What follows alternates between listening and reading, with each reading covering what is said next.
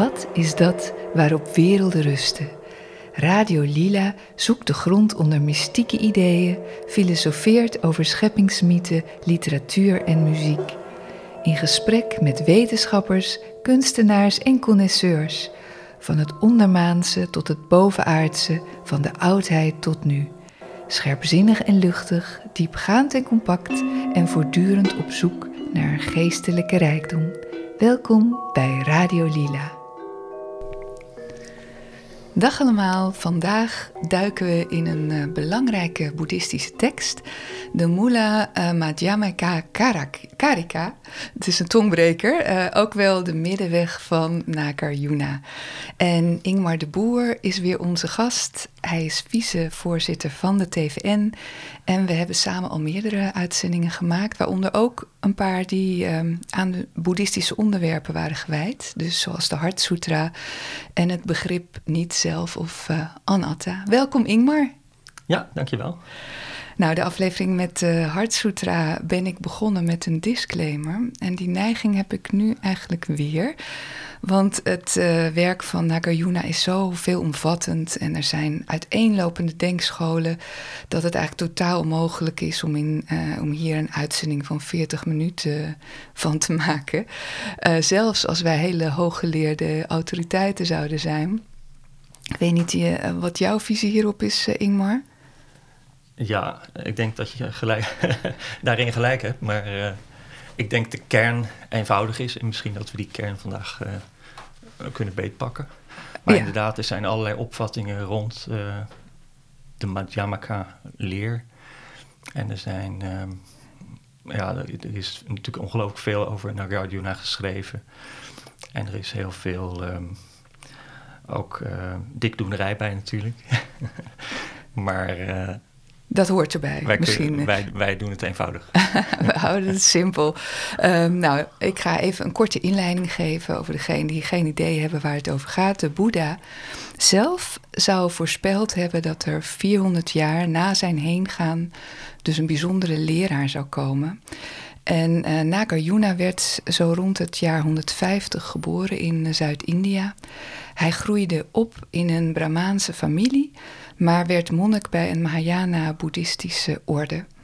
Het uh, Theravada-boeddhisme, het oude boeddhisme, was dus in die tijd vooral heel bekend. En het Mahayana-boeddhisme was eigenlijk nog een hele kleine subgroep. Volgens de Tibetanen zou Nagarjuna ooit een openbaring hebben gehad in een grot, waar dus een gang zou zijn naar een ondergronds meer. En daar zou hij zijn meegenomen door een slangensoort die onder water leeft, dus om de wijsheidssutra's van de Boeddha terug te vinden, die helemaal vergeten, de vergeten en verborgen lessen eigenlijk. En door hierop te mediteren zou je dus in contact kunnen komen met de fascinerende leegte waarop ons verstand dus uh, drijft. En um, nou, het, het, verhaal gaat dat Nagarjuna terugkeerde van dit avontuur, dus om te openbaren wat hij ontdekt had. En uh, nu, dus op de plek waar dit gebeurd zou zijn, is, staat een uh, vergulde stupa. Een soort rond bouwwerk met uh, relieken, met een bronzen deur. En één keer per jaar gaat die deur open om dus religieuze riten uit te voeren. Uh, nou, een beetje technisch verhaal. Er worden meerdere werken aan Nagarjuna toegeschreven, maar zijn beroemdste werk is dus wel de Mula Madhyamaka Karika. Dus vaak ook vertaald als de fundamentele wijsheid van de middenweg. Het is een verhandeling over de aard van de werkelijkheid. En hierin geeft hij een filosofische basis voor de dan al iets van 300 jaar oude boeddhistische stroming van de Prajnaparamita de volmaaktheid van wijsheid. Nou, Nagarjuna schreef de zes verzamelingen van redeneringen om die oude Prajnaparamita Sutra's, waaronder dus ook de Hart Sutra, te verklaren. En uh, de fundamentele wijsheid van de middenweg is van die zes verzamelingen weer uh, het belangrijkste. In de tekst betoogt Nagarjuna dat alle verschijnselen leeg zijn van inherent bestaan en dat de ultieme realiteit uh, alle conceptualisering eigenlijk te boven gaat. En hij benadrukt ook het belang van de middenweg tussen de uiterste van eeuwigheid en nihilisme. En uh, Nagarjuna legde ook met zijn filosofie de basis voor de Madhyamika-stroming. Je, zei, je had het net al even over Madhyamika, uh, Ingmar. Ben ik nog iets vergeten? Mm, niet dat ik weet. Uh, leuk is om te zeggen dat Nagarjuna, de naam bestaat uit Naga en Arjuna. Ja, en ja. Naga betekent slang. Ja, dus, ja, dat ja. Is, heeft ongetwijfeld te maken met die mythe. Ik denk het, ja. En er wordt ook wel gezegd, of althans iemand als Blavatsky zegt dan, ja die slang, of die slangen, een slang met zeven koppen wordt hier vaak mee afgebeeld. Dat, zijn, dat is een ingewijde meester geweest die hem heeft kunnen uh, wijsmaken, zal ik maar zeggen. Oh, wauw. Ja. Dus, en er wordt altijd afgebeeld met een slang boven zijn hoofd, met zeven koppen meestal. Een blauwe slang vaak. Dus uh, als je een beeld ziet met zeven slangen, dan, uh, dan weet je dat. Uh... Kop erachter, dan weet je dat je hem te pakken hebt. Ja. Oh, oh, ja, ja, dat zijn inderdaad, dat is wel een bekend beeld. Nou, we beginnen met een uh, hele poëtische vertaling van de verzen van de Mula Madhyamika Karika van Nagarjuna, dus uit het Tibetaans, door de schot Stephen Batchelor. Um, hij heeft de tekst in dit boek dus niet letterlijk vertaald, uh, maar deze benadert eigenlijk als zen-koans. En ja, koans zorgen in de zen-traditie voor een soort krachtige verwarring, die jouw vaststaande ideeën over jezelf eigenlijk onderuit uh, halen. Uh, nou, daar gaan we. Het is, hij noemt het omstandigheden. Niets komt uit zichzelf of uit iets anders of uit beide, of zonder een oorzaak. De essentie van iets is nooit te vinden in oorzaken of herkomst, bewustzijn of objecten. Want als iets niet zichzelf is, hoe kan het dan iets anders zijn? Ook ik ben niet ter wereld gekomen met omstandigheden of zonder omstandigheden. Het werden pas mijn omstandigheden toen ik eruit voortkwam, niet eerder. Nou, niks bestaat op zichzelf, niks kan ergens uit voorkomen, niks heeft essentie. Zelfs wij als mens niet, hè? Maar wat bestaat er dan wel, uh, Ingmar? Ja, uh, daar, gaat, uh, daar gaat de Mula Madhyamaka Karika inderdaad om. Um, wat bestaat er wel, wat bestaat er niet? Maar vooral, wat is de waarde van de realiteit die we om ons heen zien? Dus onze omstandigheden daar, uh, dat zien we in het, in het dagelijks leven, zien we dat als volkomen realiteiten. En alles wat eruit voortkomt, dus ook het lijden wat eruit voortkomt, dat, uh, dat ervaren we als een realiteit. En Nagarjuna is iemand die zegt, um, die daaraan begint te morrelen, die, die probeert die werkelijkheid uh, te onderzoeken. En dat onderzoek begint eigenlijk heel eenvoudig. Hij zegt, eigenlijk zoals Wittgenstein ook, uh, Wittgenstein heeft dat ook een keer gezegd, die zegt een zwaard. Uh, is, uh, is dat nog wel een zwaard als je het in twee stukken breekt? Ah, ja. En, en dat is in feite wat, um, wat hier ook gebeurt in, in dit boek. Er wordt gezegd, alles wat je in meerdere stukken kan breken en wat dan niet meer waarneembaar is als datzelfde, ja, ja dat is een soort van illusie. Uh, als, uh, als, je zegt, uh, we hebben een zwaard te pakken, dan lijkt het heel reëel. Maar op het moment dat je het uit elkaar haalt, blijkt dat er, dat er niet een permanente realiteit aan te grondslag ligt. Er zijn alleen maar stukjes ijzer die overblijven. En die zijn op zichzelf geen zwaard meer. Dus um, dat is eigenlijk de, de beginactie waar, waarmee alles wordt bekeken. Dus de werkelijkheid wordt gezien als uh, een bergje verschijnselen. En die worden dan dharma's genoemd. En elk van die verschijnselen, um, um, nou ja, daarvan zou je kunnen zeggen, is dat, kan, is dat in staat lijden te veroorzaken voor de mens of niet? Ja. Nou, alles wat impermanent is, daar zou je aan kunnen hechten.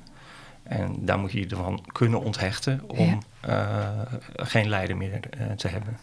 Dus de basis is het, vier, het, het um, de vier edele waarheden. Ja.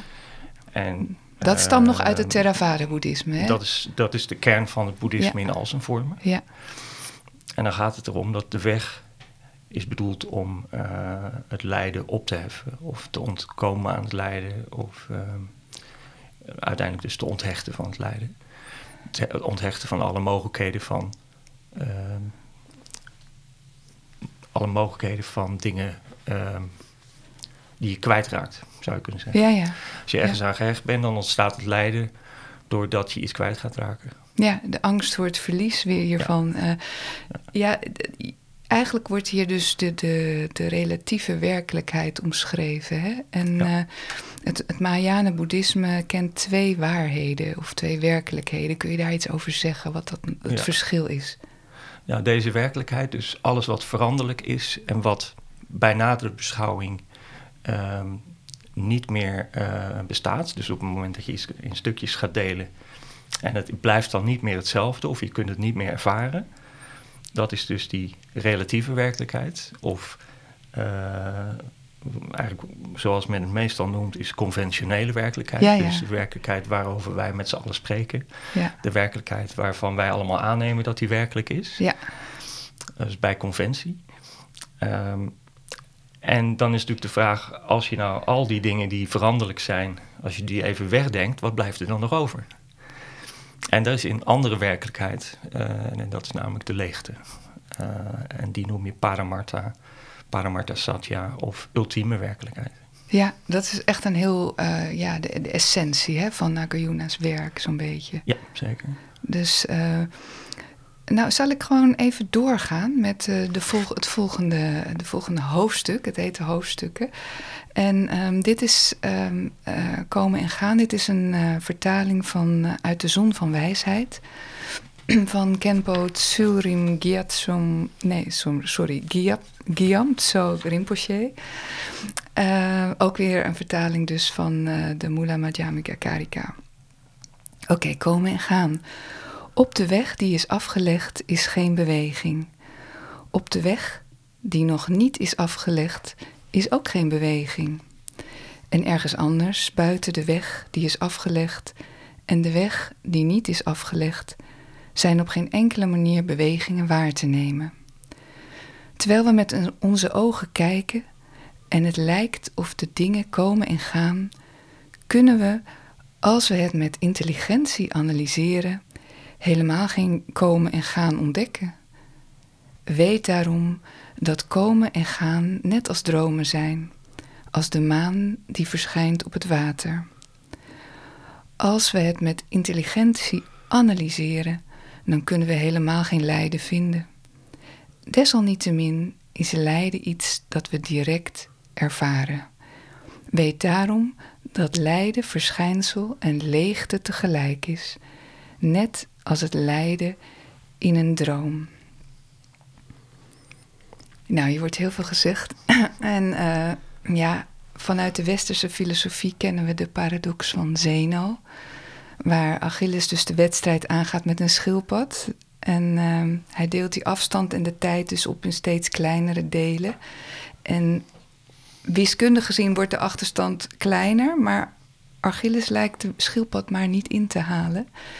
En ook Parmenides die zegt dat uh, iets niet zomaar kan veranderen in iets anders. En dat iets dat er niet is, uh, is, is dus een onmogelijkheid. Dus aan niets denken kan niet. Want als je aan niets denkt, is het al iets. Dus om de werkelijkheid te leren kennen, kun je volgens Parmenides ook niet het niets als uitgangspunt nemen. Waarmee beweging ook weer een, een probleem wordt. Want iets wat beweegt, beweegt van een plaats waar nog niets is. Uh, zou je kunnen zeggen dat eh, deze theorieën of voorbeelden van klassieke filosofen dus op hetzelfde spoor zitten als Nagarjuna? Ja, er is één groot verschil tussen de, de Griekse klassieke filosofen en Nagarjuna, want hij, Nagarjuna begint op basis van een religieuze uh, traditie. Uh, alles wordt teruggekoppeld naar de sutra's. En dat ja. zijn dan de sutra's uit de Pali-kanon, zal ik maar zeggen. En daarin worden al een aantal dingen gesteld. Dus het is geen vrij onderzoek meer eigenlijk. Die religieuze filosofie is in dat opzicht heel anders dan uh, nou ja, wetenschappelijke filosofie zou ja, zeggen. Precies. Ja, Dus het, is, het uitgangspunt is eigenlijk al hoe kunnen we het lijden opheffen. Ja. En dat is niet per se het uitgangspunt van Parmenides of uh, Zeno. Maar um, het hele idee dat alles wat verandert, uh, dat dat ehm, nou ja, dat het een andere vorm van realiteit is dan de dingen die misschien niet zouden veranderen. Ja, dat is natuurlijk vergelijkbaar. Ja, ja, ja, het is wel interessant wat je zegt. Uh, nou ja, Nagarjuna vergelijkt ons lijden dus met het lijden in een droom. Dus hij zegt dat ons dagelijks leven met alle emoties die daarbij horen, zijn eigenlijk niet meer dan een droom. Ja. Vooral als je terugkijkt, hè? als je naar het verleden kijkt, dan kun je je afvragen, inderdaad, wat is de realiteit van de werkelijkheid in het verleden anders dan die van een droom? Ja. De werkelijkheid daarin is, is niet anders. En dat wordt vaak in uh, dit soort boeken gezegd, boeddhistische boeken gezegd. Van, um, hoe kun je eigenlijk die werkelijkheid ervan onderscheiden? Is er eigenlijk iets aan het verleden anders dan een droom? Nee, dat, dat kun je niet onderscheiden eigenlijk. De maan die verschijnt op het water. Nou, dat is dan een hele mooie... Eh, die komt in heel veel boeddhistische boeken ja, ja. voor. Dat, er is zelfs een woord voor. Oké. Okay. Uh, Udakachandra, de maan die in het water is. Oké, oké. Dus het idee is dan dat wij in die schijn... Hè, het woord schijn zit er al in... Mm. in de schijn van die schijnbare wereld die we om ons heen zien... die, uh, die conventionele werkelijkheid... alleen maar een afspiegeling zien van de echte werkelijkheid... En dat kun je natuurlijk vergelijken met uh, de maan die uh, in werkelijkheid in de hemel is, maar Mhm. waarvan wij alleen een spiegelbeeld zien. En dan kom, kun je verder natuurlijk filosoferen over het water wat dan beweegt en Ja, waardoor ja. het beeld niet helder is. En, Ja, uh, maar daar zijn heel veel van dat soort verhalen over. Maar het komt er in alle gevallen op neer dat ehm, ja, wij in het algemeen niet die ultieme realiteit kunnen zien. Of Nee. niet zonder meer kunnen zien. dus, dus, dus, ehm, eh, om maar even een nieuwe boeddhistische term in te voeren, samsara. eh, dat zou je, ehm, we, we, we begeven ons dus eigenlijk in een wereld van verschijnselen. Ja, ja. eh, die niet werkelijk zijn. En dat noemen de boeddhisten ook wel samsara. Ja, samsara is, is ook alles wat veranderlijk is, want het is de kringloop van wedergeboorte. Ja, Ehm, dit, hier ga, dit begrip van conventionele werkelijkheid gaat nog iets verder, Eh, omdat het alles wat veranderlijk is en alles wat, ehm, eh, wat bij nader inzien geen inherent bestaan blijkt te hebben, eh, dat is natuurlijk zo groot dat samsara daar helemaal invalt. Ehm, dus dat is, dat is nog iets breder, nog iets fundamenteler gedacht. Maar, maar inderdaad, alles wat wedergeboorte zou kunnen veroorzaken, kan opnieuw lijden veroorzaken. want wat bedoel je met inherent bestaan? Dat is een moeilijke term. Eh, het is een bekende term in de theosofie ook, swabhava. Ja, Dat is het eh, inherent bestaan, het uit zichzelf bestaande. Ehm, nou, wat, het, wat er eigenlijk mee bedoeld is, wat ik net over dat zwaard zei.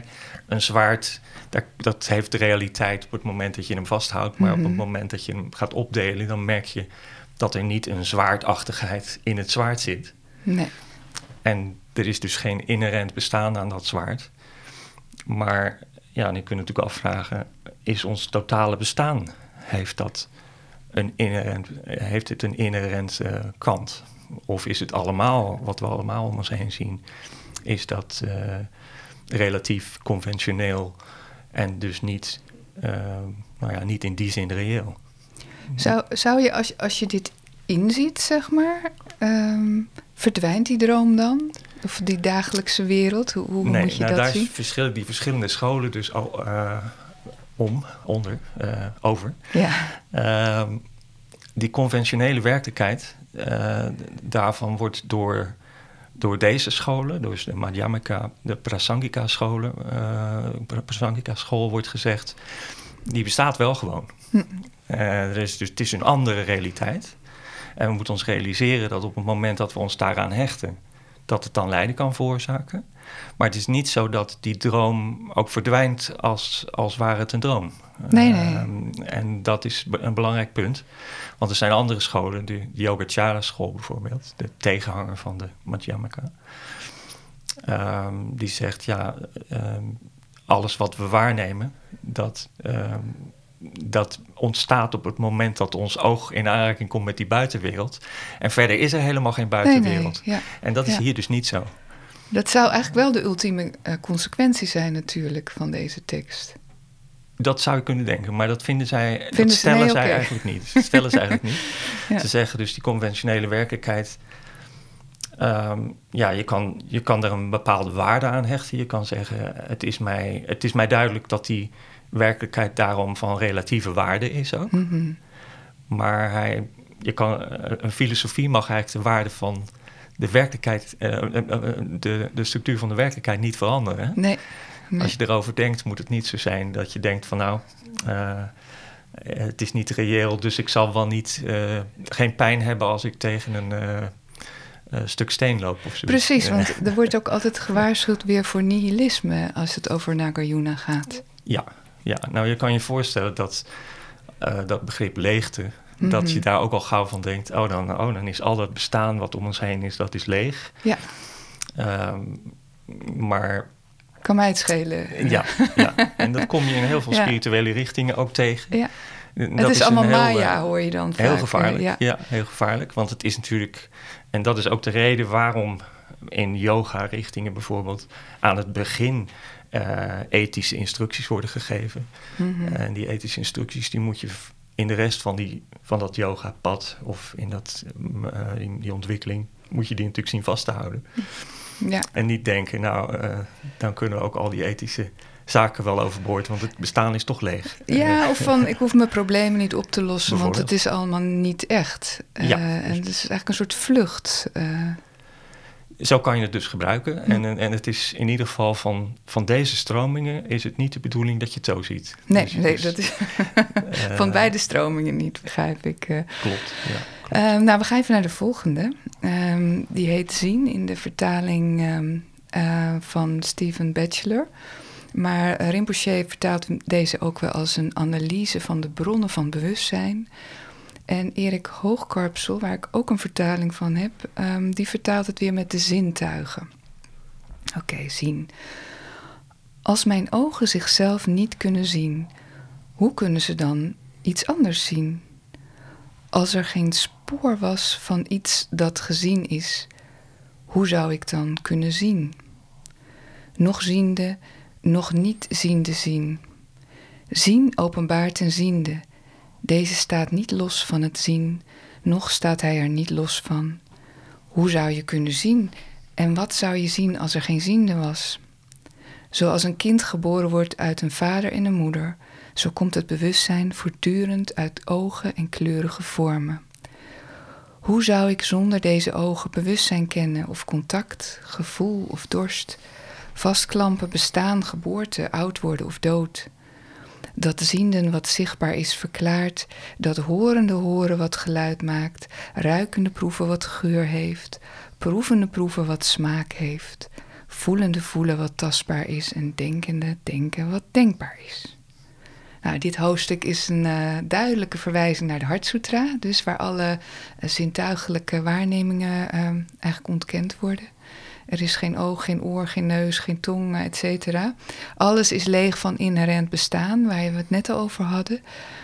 Ehm, op welke manier is dit toch een toevoeging eh, van Nagarjuna aan die Hartsutra? Dus, eh, dus ook aan de Prajnaparamita Sutras, waar de Hartsutra weer uit voortkomt. Nou, dat begrip van leegte is natuurlijk, ehm, dat wordt in die Hart Sutra of in die Prajnaparamita Sutra's wordt dat geïntroduceerd. En dat is een ja, revolutionair begrip. Daardoor verandert dat Mahayana-boeddhisme. Ehm, en uh, Nagarjuna analyseert dat met een soort uh, fileermesje. Uh, Ja, probeert ja. aan te tonen dat dingen leeg zijn en niet het als, alleen maar als een um, intuïtief begrip Mhm. uh, te hanteren, maar hij probeert ook filosofisch te onderbouwen. En daarom is het ook heel, het zijn ook, het zijn ook hele rationele versen, karika's. Ja. Uh, en dus een, een, vertaling die doet denken aan zen, dat is, dat is wel leuk, maar het is niet zo. Uh, die versen eigen, uh, zijn niet zo geëigend voor een vertaling in zen-koans. Nee. Omdat ze gewoon een heel rationele filosofie zijn. En mensen die heel rationeel zijn, voelen zich ook door aan Nagarjuna vaak aangetrokken. Ja, precies. Ja. Wordt ja. vaak met Wittgenstein vergeleken. Ja, ja. En, hij is niet mystiek en... Uh, Krishnamurti lijkt het eigenlijk een beetje op. Hè? Dus Ja. uh, uh, dat die achterwaarts, die via negativa, die achterwaarts lopende ontwikkelingsweg, zal ik maar zeggen. Uh, dus, dus ik zou niet zo zeggen. ehm, ik zou niet zo gauw eraan denken om daar zen-koans van te maken. Nee, jij bent, niet, jij bent niet helemaal blij met deze vertaling die ik net uh, oplas nee, eigenlijk. Nee, dat is leuk voor... Dat is eigenlijk romantisch, denk ik. Maar ja. nou, ik wil er ook niet te negatief over doen. Want Steven Batchelor is natuurlijk toch een grootheid. Ik heb hem ja. trouwens kort geleden een keer ontmoet. Oh, wat leuk. Hij ja. komt hier wel eens op het... wij zitten op dit moment op het terrein van het Internationaal Theosofisch Centrum. Ja. En er is een groep die hij, een internationale organisatie die hij heeft opgericht. Uh, Body College, die hier uh, opereert.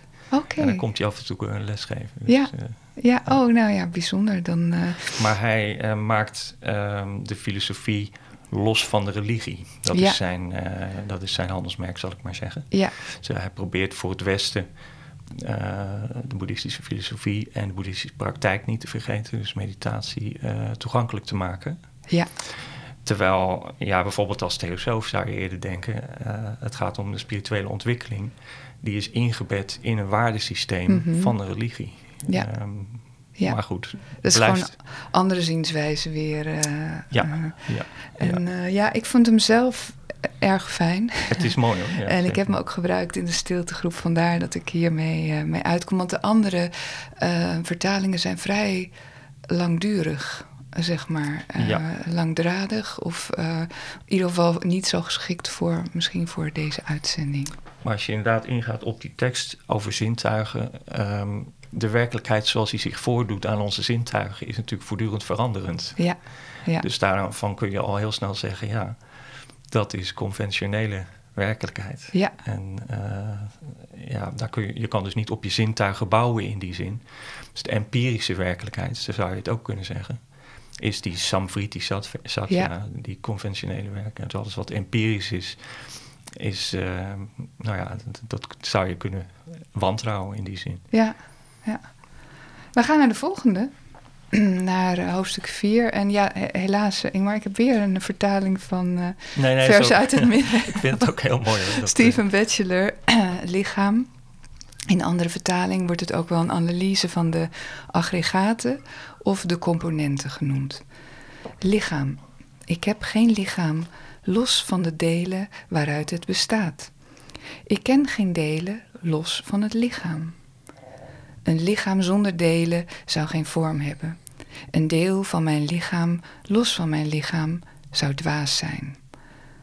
Als het lichaam soms niet, soms wel bestond, zou het geen delen nodig hebben. Een lichaam zonder delen is zinloos. Klamp je niet vast aan lichaam.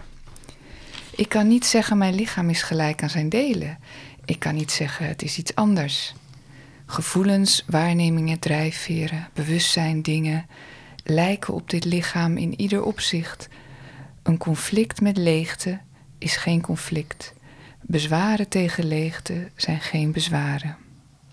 Nou, Ingmar, hebben we nou een lichaam of niet? Als we dit uh, volgens uh, naar Carjuna. Ja, ja, het is alleen uh, relatief. Ja, ja. maar inderdaad kun je dan afvragen... dat lijden wat uit het lichaam voortkomt... is dat werkelijk... ja, dat is werkelijk in de conventionele zin. dus het is niet opeens weg. Nee. Alleen misschien is het wel een beetje een troost om te denken... dit is niet de enige werkelijkheid die er bestaat.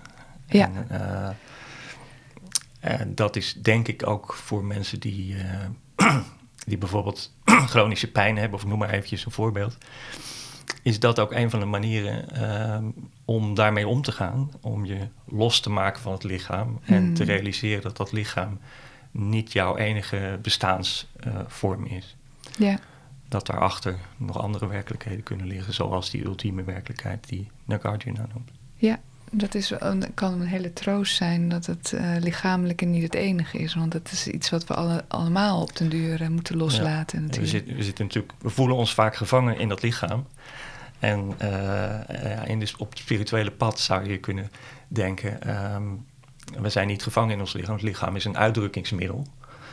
En uh, wij zijn niet ons lichaam, maar wij zijn iets wat daarin woont... of iets wat daar uh, achter ligt. Ja. Ja. En hoe, hoe, verhoud, ja, hoe verhoudt zich dat dan weer tot de leegte? Ja. Maar dat is dan misschien een te lastige vraag. Uh, Nou, die leegte, leegte is dus die ultieme werkelijkheid. Ja. Dat, het woord leegte is daarom altijd een beetje een moeilijk woord. Uh, ja. Shunya. De leegte, ehm, dat is, is dus leeg van. ehm, het, het, het leegte wordt in feite. Dat woord wordt toegepast op die conventionele werkelijkheid. Ja. En eh, het is dus niet. Ik heb een keer gevraagd aan, eh, aan een gesje, eh, een, een Tibetaanse monnik. Ja, ja. Toen was ik nog, eh, nog eigenwijzer dan nu. en toen vroeg ik. ehm, maar die redenering die u eh, houdt over eh, conventionele werkelijkheid, die kun je ook toepassen op de Boeddha. Is de Boeddha dan ook leeg? Ja, ja, Eh, ja. ik, leek- ik vond het een hele normale Ja. vraag. En later bleek ook dat die vraag in allerlei boeddhistische schriften wordt gesteld. Ja. Maar hij was er nogal boos over. Oh, echt? En zei, nee, de Boeddha is niet leeg. Oh, oké. Ja, want volgens mij, ik heb ook daarover gelezen dat dat inderdaad juist, dat uiteindelijk ook de leer van de Boeddha eh, leeg is. En, eh, Ja, daar zijn dus verschillende opvattingen over. En nou, het is nog niet zo makkelijk natuurlijk. nee. Maar ehm, ja, ik zou zeggen, de Boeddha is niet leeg. Ehm, maar ehm, er, zijn, eh, er zijn bijvoorbeeld verschillende mantra's waarin duidelijk wordt aangegeven dat leegte ook puurheid is. Mhm.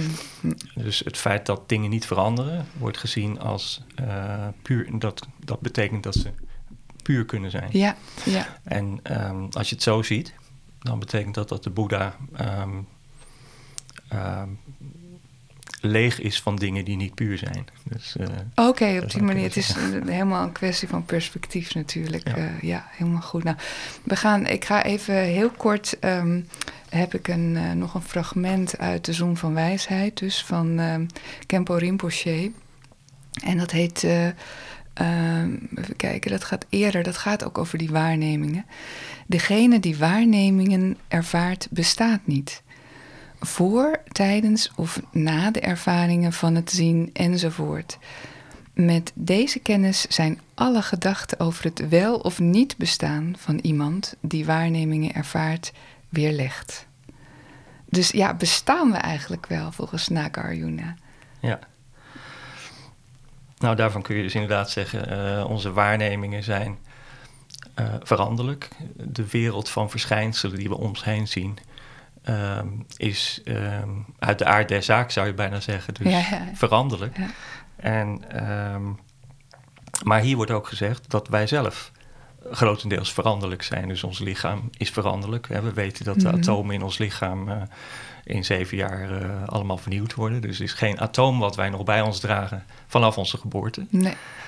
Ehm, dus wat is er nou eigenlijk permanent? Wat is er blijvend in ons?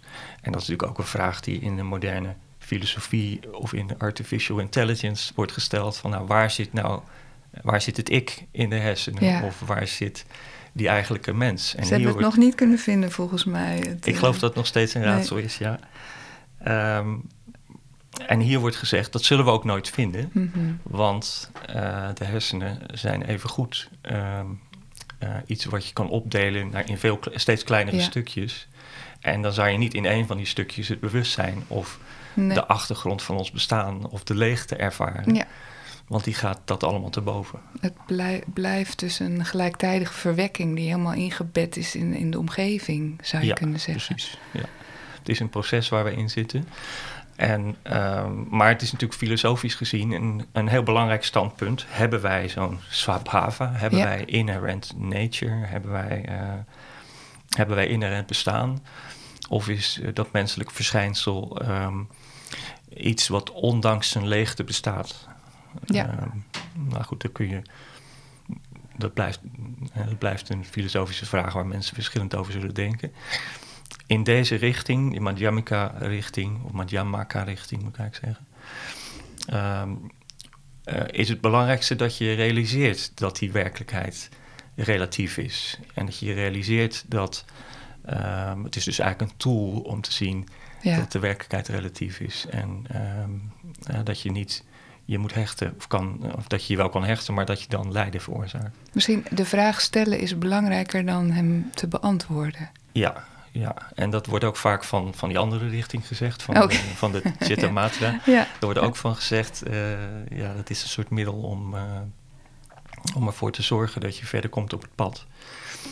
Maar kijk je vanuit een esoterisch perspectief, ja, dan zeggen we eerder, ehm, die werkelijkheid is het omhulsel van iets. Hmm. Eh, het is wel een omhulsel en in zoverre is het relatief, maar er zit wel degelijk iets in. Ja, En dat kunnen wij eh, vanuit de esoterie of vanuit de theosofie, kun je dat min of meer positief beantwoorden. Want het wordt gesteld. ja, Eh, er is één alomtegenwoordig, onveranderlijk, eeuwig beginsel. ja. Wat ten grondslag ligt aan alle werkelijkheid. Maar hier wordt dat, met, wordt dat heel bewust vermeden om dat eh, als axioma neer te zetten of, of eh, als gevolgtrekking. Wordt, Zou- wordt het eh, juist vermeden. Zou je ook kunnen zeggen dat iedere analyse weer leeg is van inherent bestaan? Ja, dus elke, alles wat je analyseert blijkt uiteindelijk dat inherente bestaan niet te hebben. Ja, Niet zwaar geen inherent bestaan. Ja, geen, precies. Geen eigen bestaan. Ehm, nou, we gaan nu even naar een analyse van vuur en brandstof. En dat is eigenlijk even een vrije vertaling van mij, want hij heet eigenlijk eh, een analyse van brand en brandhout. Uit de Zon van Wijsheid komt hij weer eh, van eh Kempo Rinpoche. Eh, ik heb daar dus brandstof van gemaakt omdat ik brandhout al te specifiek vind. Want het is iets dat in Nederland alleen nog gebruikt wordt voor een kampvuur of een open haard. En, en vuur geeft We juist zijn een, hier wel in het gooien. Hè? Ja, dat is hier open haard. Maar vuur geeft juist een heel universeel beeld. Dus eigenlijk om in die lijn te blijven, heb ik brandstof overgenomen van de vertaling van Erik eh, Hoogkarpsel. Ehm, maar hij legt ook uit dat brandstof, brandstof op zich dus niet echt bestaat. Dat brandstof alleen brandstof is als we het zo noemen. En eh, hij heeft ook een heel leuk voorbeeld dat we uranium en plutonium dus pas in de loop van de 20ste eeuw brandstof zijn gaan noemen. Ehm, dus dat, dat vond ik wel heel, heel inzichtgevend. Dus, en in, in India en Tibet wordt bijvoorbeeld gedroogde koelmest ook brandstof genoemd. Dus die Ja, kan ja. er alle kanten mee op, zeg maar. Eh, maar het gaat er dus om, brandstof bestaat niet op zich. Het is alleen bij de gratie eh, van de functie. Ja. En samen met het vuur waarin in het opgaat. En ja, omdat het een beeld is waarin iedereen op de wereld zich in alle tijden wel kan herkennen, vind ik het eigenlijk de beste analogie van uh. De brandstof zelf is niet het vuur. Er bestaat geen vuur buiten de brandstof. Het vuur bezit de brandstof niet. Het vuur onderhoudt de brandstof niet. En de brandstof onderhoudt het vuur niet. Als iets afhankelijk van iets anders bestaat, maar datgene waarvan het afhankelijk is, is zelf afhankelijk van het eerste, welke van de twee bestaat dan afhankelijk van welke andere? Nou, hier eindigt het. Het is maar een klein fragment. Maar ja, waar, waar begint het vuur en eindigt de brandstof? Ja, ja. Ik weet niet of het in, uh, in de werkelijkheid van Nagarjuna inderdaad zo is dat er een soort cyclische afhankelijkheid kan zijn. Um, want het is meer een, de wereld van Nagarjuna is meer een boom, uh, boomstructuur. Maar wel belangrijk is dat alles wat afhankelijk is van een oorzaak, bijvoorbeeld alles wat oorzakelijk bepaald is, dat kan geen ultieme werkelijkheid zijn. Mm -hmm. um, en het is ook niet zo dat die ultieme werkelijkheid van zichzelf afhankelijk is of zo. Nee. Dat is ook niet zo. Uh, het enige wat achter alle onze werkelijkheid kan staan, is die onconditionele ultieme werkelijkheid. Precies. Um, ja, daar zijn alle scholen het over eens, uh, alle denkscholen. Dat zou ik niet met zo heel veel zekerheid durven zeggen, maar uh, ja, dat is wel belangrijk. Ja. Wat ja. bedoel je met die boomstructuur? Structuur, dat um, oorzaken en gevolgen. Wij in het Westen hebben de neiging om alle oorzaken en gevolgen aan elkaar te koppelen in een grote boomstructuur, waar mm. bovenaan dan de eerste oorzaak is. En dat noemen we dan determinisme. Uh, maar in het uh, oosten heb je uh, kleinere boompjes. Mm. Want daar kun je een keten van oorzaken en gevolgen beginnen door bijvoorbeeld iets te denken of iets te beslissen. Ja, ja. En dat doen Tibetaanse monniken ook. En daarmee beïnvloeden ze dan de werkelijkheid in feite. Oké. Okay. Ja. Dus, dus ze maken nieuwe boompjes van oorzaken en gevolgen. En wat hier wordt gezegd is dat iets afhankelijk kan zijn van iets anders. Ja. En dat andere ook weer van het ene. Ja. En in, die, in een boomstructuur kan dat dus niet. Dus nee. uh, ik weet niet, dat, Oh, dat, ja, dat Zou is ik nog eens extra moeten bestuderen om te zien eh, hoe dat zit. Ja, nou deze, deze bom laten we even liggen. Ja, ja. Ehm, heb je nog tips eh, voor een goede vertaling of een mooi commentaar? Ehm, Vooral Engelstalige boeken heb je hier liggen, zie ik. Nou ja, de gouden standaard van, eh, in wetenschappelijke zin is eh, Nagarjuna's Middle Way van Mark Siderits en Shoryu Katsura. Dat is tegenwoordig de meest eh, eh, autori- autoritatieve vertaling, zal ik maar zeggen, Ja, ja. van de Madhyamaka Karika. Eh, dus als iemand zegt, ik wil volgens de huidige standaard weten wat erin staat, dan moet je die hebben. Ja, Ehm, en dan is nog een leuk boekje over die twee waarheden. Over al die verschillende scholen en hun standpunt. Door Kai Newland. Schijn en werkelijkheid heet dat. Dat is een Nederlands boekje. oh leuk. Ehm, ja. eh, het is wel, een, ja, deze materie is abstract natuurlijk. Maar hij probeert zeker. het zo eenvoudig mogelijk uit te leggen. En eh, het is een leuk boekje. Fijn, ja, dat is ook Goed altijd, boekje. ook altijd eh, fijn als, als er een, een heldere duiding is. En qua commentaren, het belangrijkste commentaar, en dat is ook weer een wereld op zich, heet Prasannapada. Ja. En is geschreven door ehm Chandra Kirti. Oké, Ja, dat is de bekendste commentator. Ook ongelooflijk rationeel en eh, methodisch eh, analyserend. Maar ja, als je dit interessant vindt, dan moet je die erbij nemen. Dan, Ja. dan moet je dat eigenlijk ook lezen. ja. Dus dat is... eh, Nou, mooi. Ontzettend bedankt voor deze bijdrage, Ingmar. graag gedaan. Ja. Weer bedankt voor het luisteren. En als je wilt reageren op de uitzending, kan dat via onze website, op onze Facebookpagina of door te mailen naar radiolilapodcast.gmail.com. Voor alle vragen of opmerkingen over de behandelde thema's of andere zaken, of als je ideeën hebt voor onderwerpen, laat het ons weten via www.radiolila.nl. Tot de volgende.